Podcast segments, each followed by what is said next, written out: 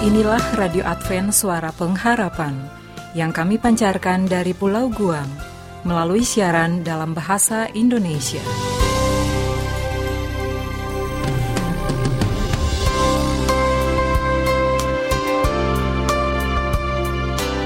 Salam sejahtera kami ucapkan kepada Anda di seluruh Nusantara. Selamat berjumpa kembali dengan Radio Advent Suara Pengharapan. Dengan senang hati kami telah mempersiapkan rangkaian acara yang telah kami sediakan bagi Anda sekeluarga. Harapan kami semoga siaran ini dapat bermanfaat dan menjadi berkat bagi kita semua.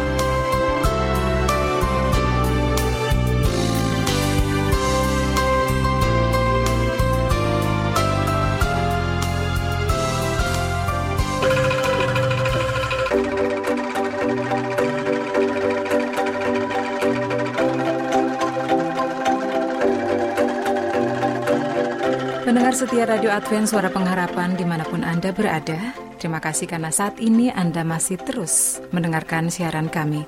Saat ini kita akan mengikuti satu segmen yang sangat menarik yaitu segmen mendidik anak. Yang pasti sangat cocok untuk para orang tua dan wali atau siapa pun yang memiliki tanggung jawab mengasuh anak. Arahan dan petunjuk yang disampaikan dalam program ini mengacu kepada petunjuk Allah, baik dari kitab suci juga pena inspirasi yang merupakan tulisan yang diilhamkan. Namun sebelum kita mengikuti acara ini, satu kidung manis akan kami persembahkan untuk Anda.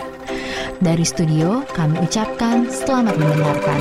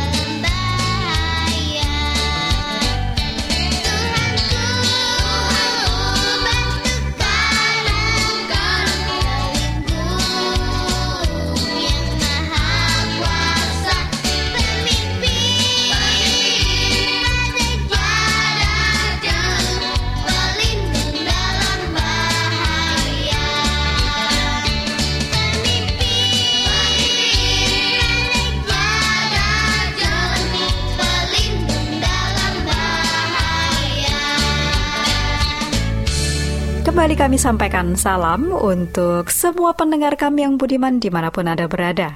Dan saat ini kita bersyukur kepada Tuhan untuk waktu yang kembali kita miliki bersama. Untuk kita teruskan ya melanjutkan diskusi dan topik-topik bahasan seputar mendidik anak. Jadi Bapak dan Ibu, kembali kami sampaikan salam secara khusus dan mari kita lanjutkan beberapa hal yang akan menolong pengetahuan dan pemahaman kita untuk anak-anak khususnya buat yang balita ini ya. Em, kira-kira usia 2 tahun, 3, nah seperti itu. Baik, eh, kali ini kita akan lanjutkan dengan topik bahasan tingkah laku anak yang tidak pantas yang bentuknya adalah persaingan saudara kandung. Ini khususnya eh, terjadi pada anak-anak atau saudara kandung yang jaraknya itu biasanya berdekatan. Misalnya yang satu umurnya tiga tahun, yang satu lagi hampir dua tahun. Aduh, itu ya kalau hampir selalu bertengkar, macam-macam penyebabnya. Mainan baru saja bisa membuat mereka bertengkar. Padahal ada yang sama atau persis yang bisa, yang yang bisa sebetulnya mereka mainkan bersama. Eh, kalau sampai kondisi ini terus menerus terjadi, orang tua bahkan bisa sampai eh, tidak tahan ya dengan percekcokan ini. Beberapa upaya seperti memisahkan itu sudah dilakukan. Bahkan eh, anak-anak ini juga dilakukan time out atau disuruh eh, kalau memang mereka nggak bisa main bersama harus duduk diam, nggak boleh main sampai mereka terbukti bisa bermain dengan baik ya. Dan kemudian tidak sedikit walaupun beberapa cara sudah dipraktekkan tidak ada perubahan pada anak-anak. Aduh, bagaimana ini mengatasinya ya? Karena ini bisa bikin sakit kepala setiap hari ya. Oke, mari kita dengarkan apa sih eh, perkembangan alami pada anak-anak di usia ini menurut para ahli. Jadi kalau tindakan yang dilakukan oleh orang tua tidak segera berhasil, itu memang di usia 2 sampai 3 tahun ini yang disebut dengan eh, anak-anak prasekolah ya itu yang sedang terjadi tahap perkembangannya atau pertumbuhannya itu adalah ego ya egosentris jadi berpusat pada diri sendiri itu artinya nggak peduli berapa besar usaha yang sudah dilakukan orang tua kita untuk menjelaskan bahwa saling berbagi itu baik atau lebih baik meminta daripada merampas benda dari orang lain.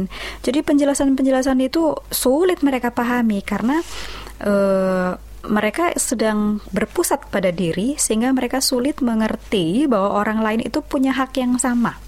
Nah, kepentingan diri atau ego mereka itu harus yang jadi utama. Yang ada dalam pikiran anak seusia 2-3 tahun itu ya, mereka pikir dunia ini memang hanya mengelilingi mereka sendiri, tidak untuk orang lain. Jadi eh, yang bisa kita lihat bentuknya adalah kalau mereka menginginkan sesuatu, mereka harus dapat ya. Jadi kalau itu berada dalam tangan mereka, itu berarti milik mereka.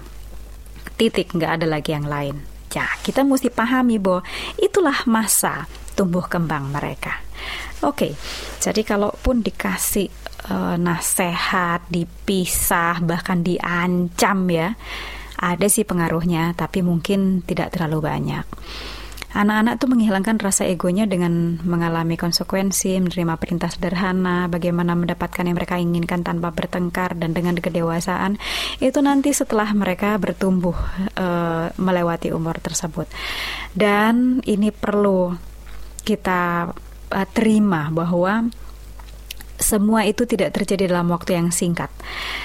Namun demikian, eh, Dr. Kei Kusma memberikan tips sebagai berikut ya. Jadi ah, ini cara kita mengajar mereka. Contohnya, kalau eh, supaya mainan itu bisa digunakan oleh yang lain, katakan diajar seperti ini. Waktu kita mau memintanya ya, jangan langsung dirampas, tapi tanya sudah selesai. Kalau sudah selesai, boleh diminta mainannya ya. Jadi jawabannya kalau anak-anak umur 2 sampai 3 tahun itu kan sering mereka jawab iya. Nah, dengan menjawab iya, maka ini menjadi kesempatan buat orang tua untuk memberikan pelajaran kepada mereka bahwa dengan menjawab iya, artinya dia sudah selesai dengan mainan itu dan mainan itu boleh diambil. Dan kalau mainan itu dimainkan oleh yang lain, mereka sudah eh, tidak harus merasa terganggu, udah nggak peduli lagi. Itu arti dari menjawab iya. Ya.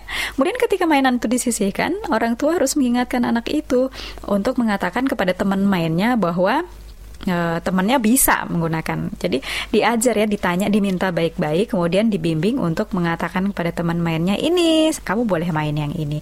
Nah interaksi ini akan bermanfaat bagi kedua anak. Ini menghasilkan jawaban iya dari anak yang pertama dan perasaan yang menyenangkan karena dia berbuat baik kepada teman mainnya ya.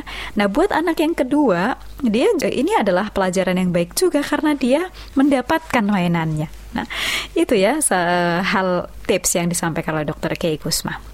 Para orang tua perlu memperhatikan bagaimana pertengkaran itu dimulai. Kalau ada pola tertentu, misalnya si anak selalu merampas mainan dari anak lainnya. Nah, coba pikirkan caranya gimana antisipasi ya, karena pencegahan itu kan selalu jadi solusi yang terbaik.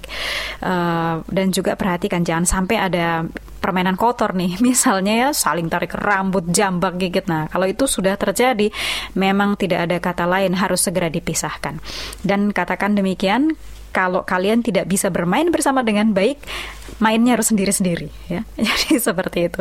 Dan akhirnya memang kita nggak perlu setiap percekcokan antara anak-anak kita harus segera selesaikan karena ada masanya di mana anak-anak ini perlu bertumbuh belajar bagaimana eh, mengatasi konflik ya jadi ini yang menjadi dasar dari kesemuanya ibu-ibu bapak-bapak berdoalah lebih banyak. Supaya tahun-tahun pertengkaran antara saudara kandung itu hanya merupakan bagian dari pendidikan sosial anak-anak yang diperlukan ya. Supaya bertambah umur mereka sudah lewat itu masanya dan mereka mendapatkan eh, pelajaran untuk pertumbuhan sebagaimana mestinya. Jadi memang harus bersabar dan banyak berdoa supaya mereka betul-betul cepat belajar. Baik eh, itulah yang dapat kami sampaikan mengenai persaingan saudara kandung. Kami berharap eh, dapat menjadi informasi yang bermanfaat dan akan menolong kita untuk membimbing anak-anak ini tumbuh sebagaimana mestinya dengan pertolongan Tuhan.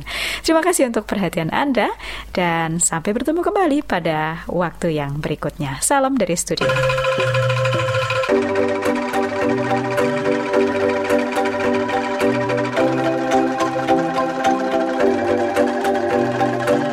Pendengar Radio Advent Suara Pengharapan, demikianlah satu acara yang sangat menarik yang sudah kami persembahkan untuk Anda.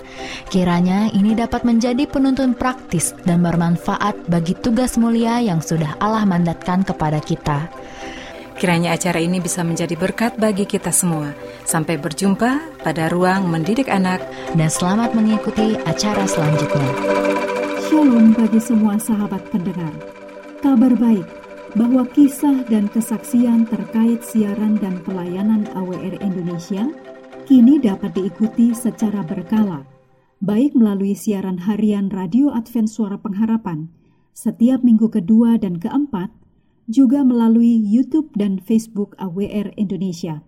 Terima kasih banyak untuk yang sudah menyampaikan dan masih terbuka bagi Anda semua untuk segera SMS atau telepon ke nomor AWR di 0821 1061 1595 atau di nomor 0816 1188 302 untuk WhatsApp dan Telegram. Kami tetap menunggu dukungan Anda.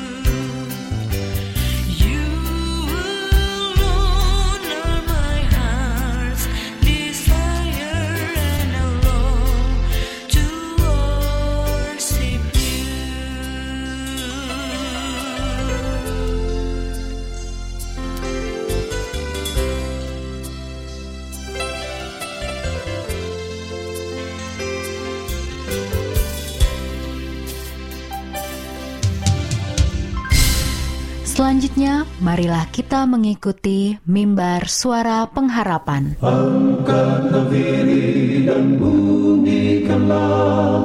Yesus mau datang segera.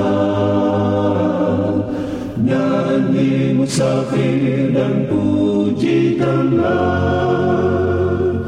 Yesus mau datang segera. Datang segera Inilah mimbar suara pengharapan dengan tema menyembah pencipta dan penebus kita. Selamat mendengarkan. Samara itu tandanya Yesus mau datang segera Pengetahuan bertambah-tambah Yesus mau datang segera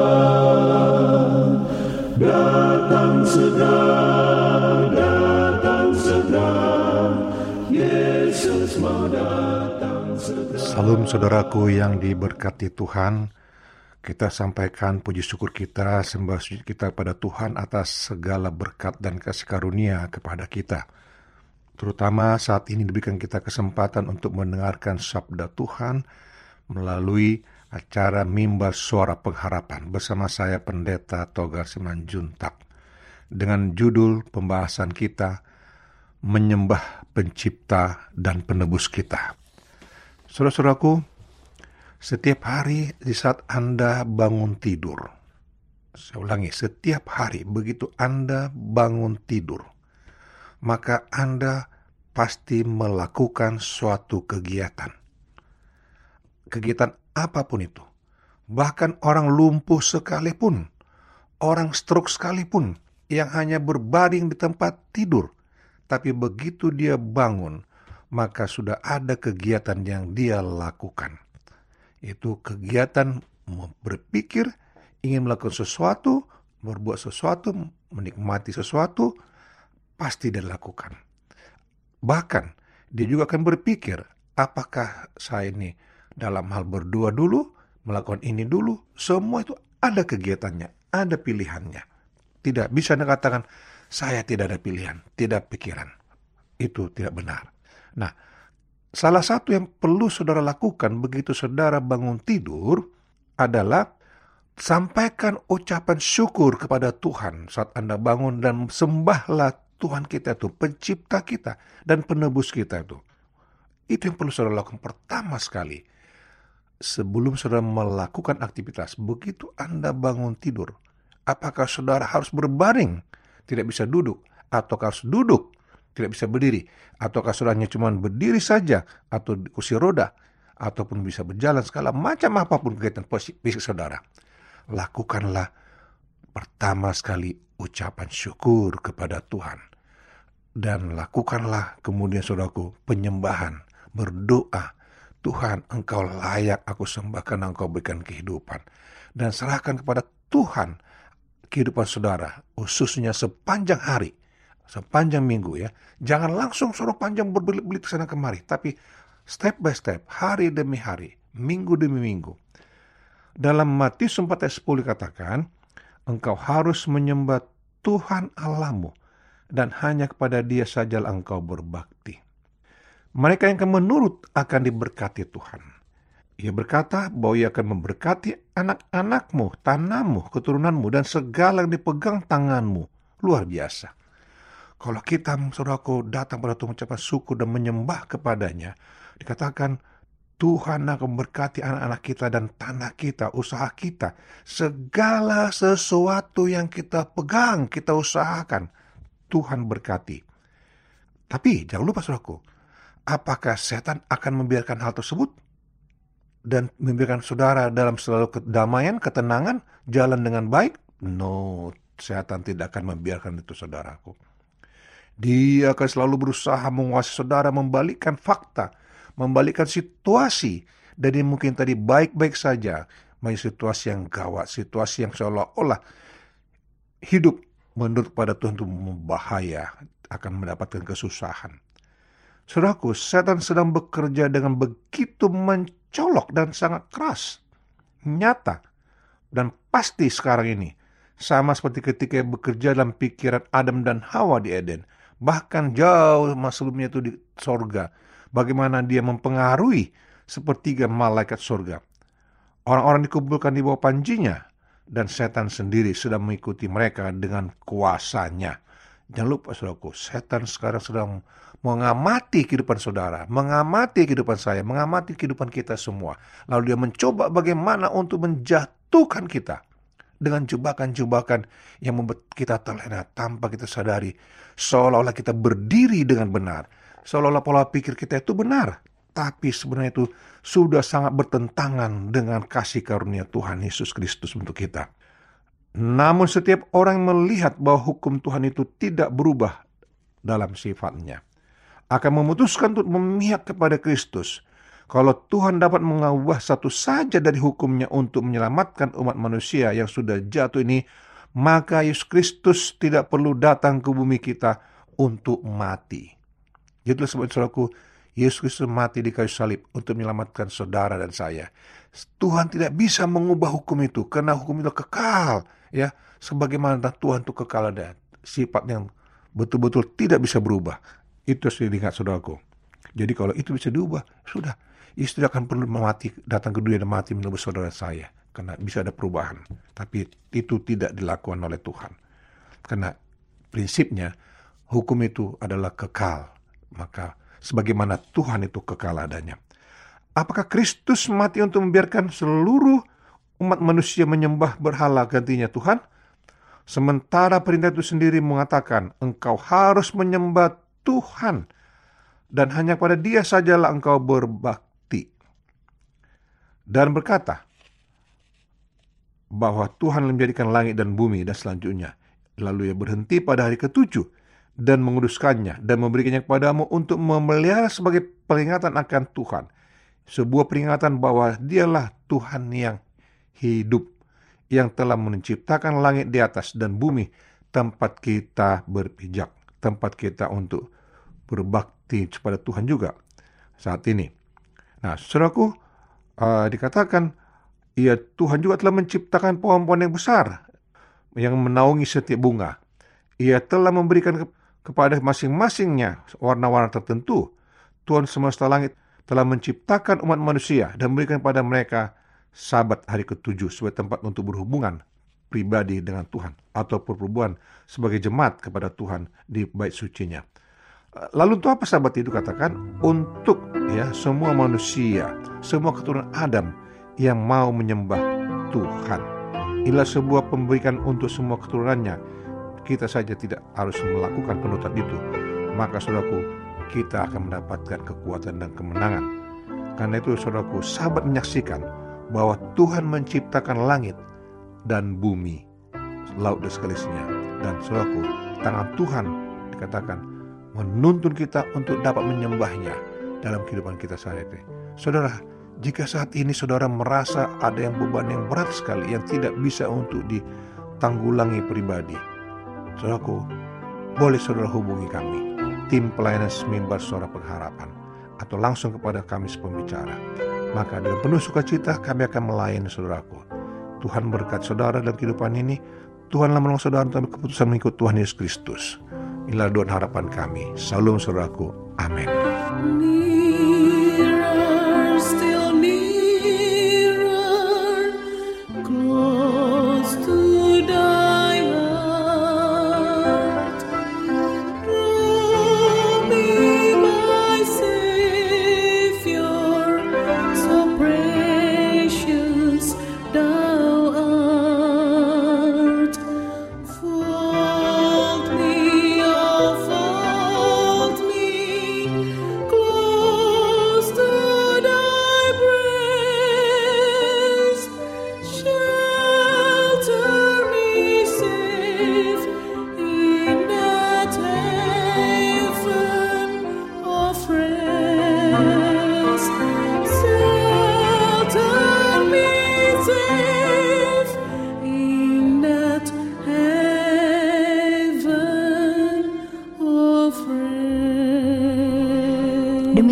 Rangkaian acara yang dapat kami persembahkan hari ini.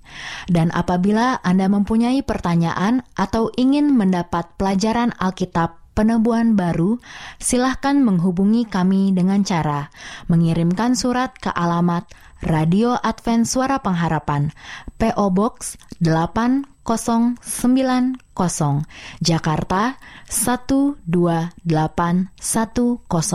Indonesia. Telepon 0821 1061 1595. Alamat email awrindonesia@yahoo.co.id. Anda juga dapat bergabung di Facebook kami, pendengar Radio Advent Suara Pengharapan, juga Radio Advent Suara Pengharapan. Terima kasih kami ucapkan bagi Anda semua pendengar kami yang setia. Kita akan berjumpa kembali pada waktu dan gelombang yang sama esok hari. Salam kasih dan sejahtera, kiranya Tuhan memberkati kita semua.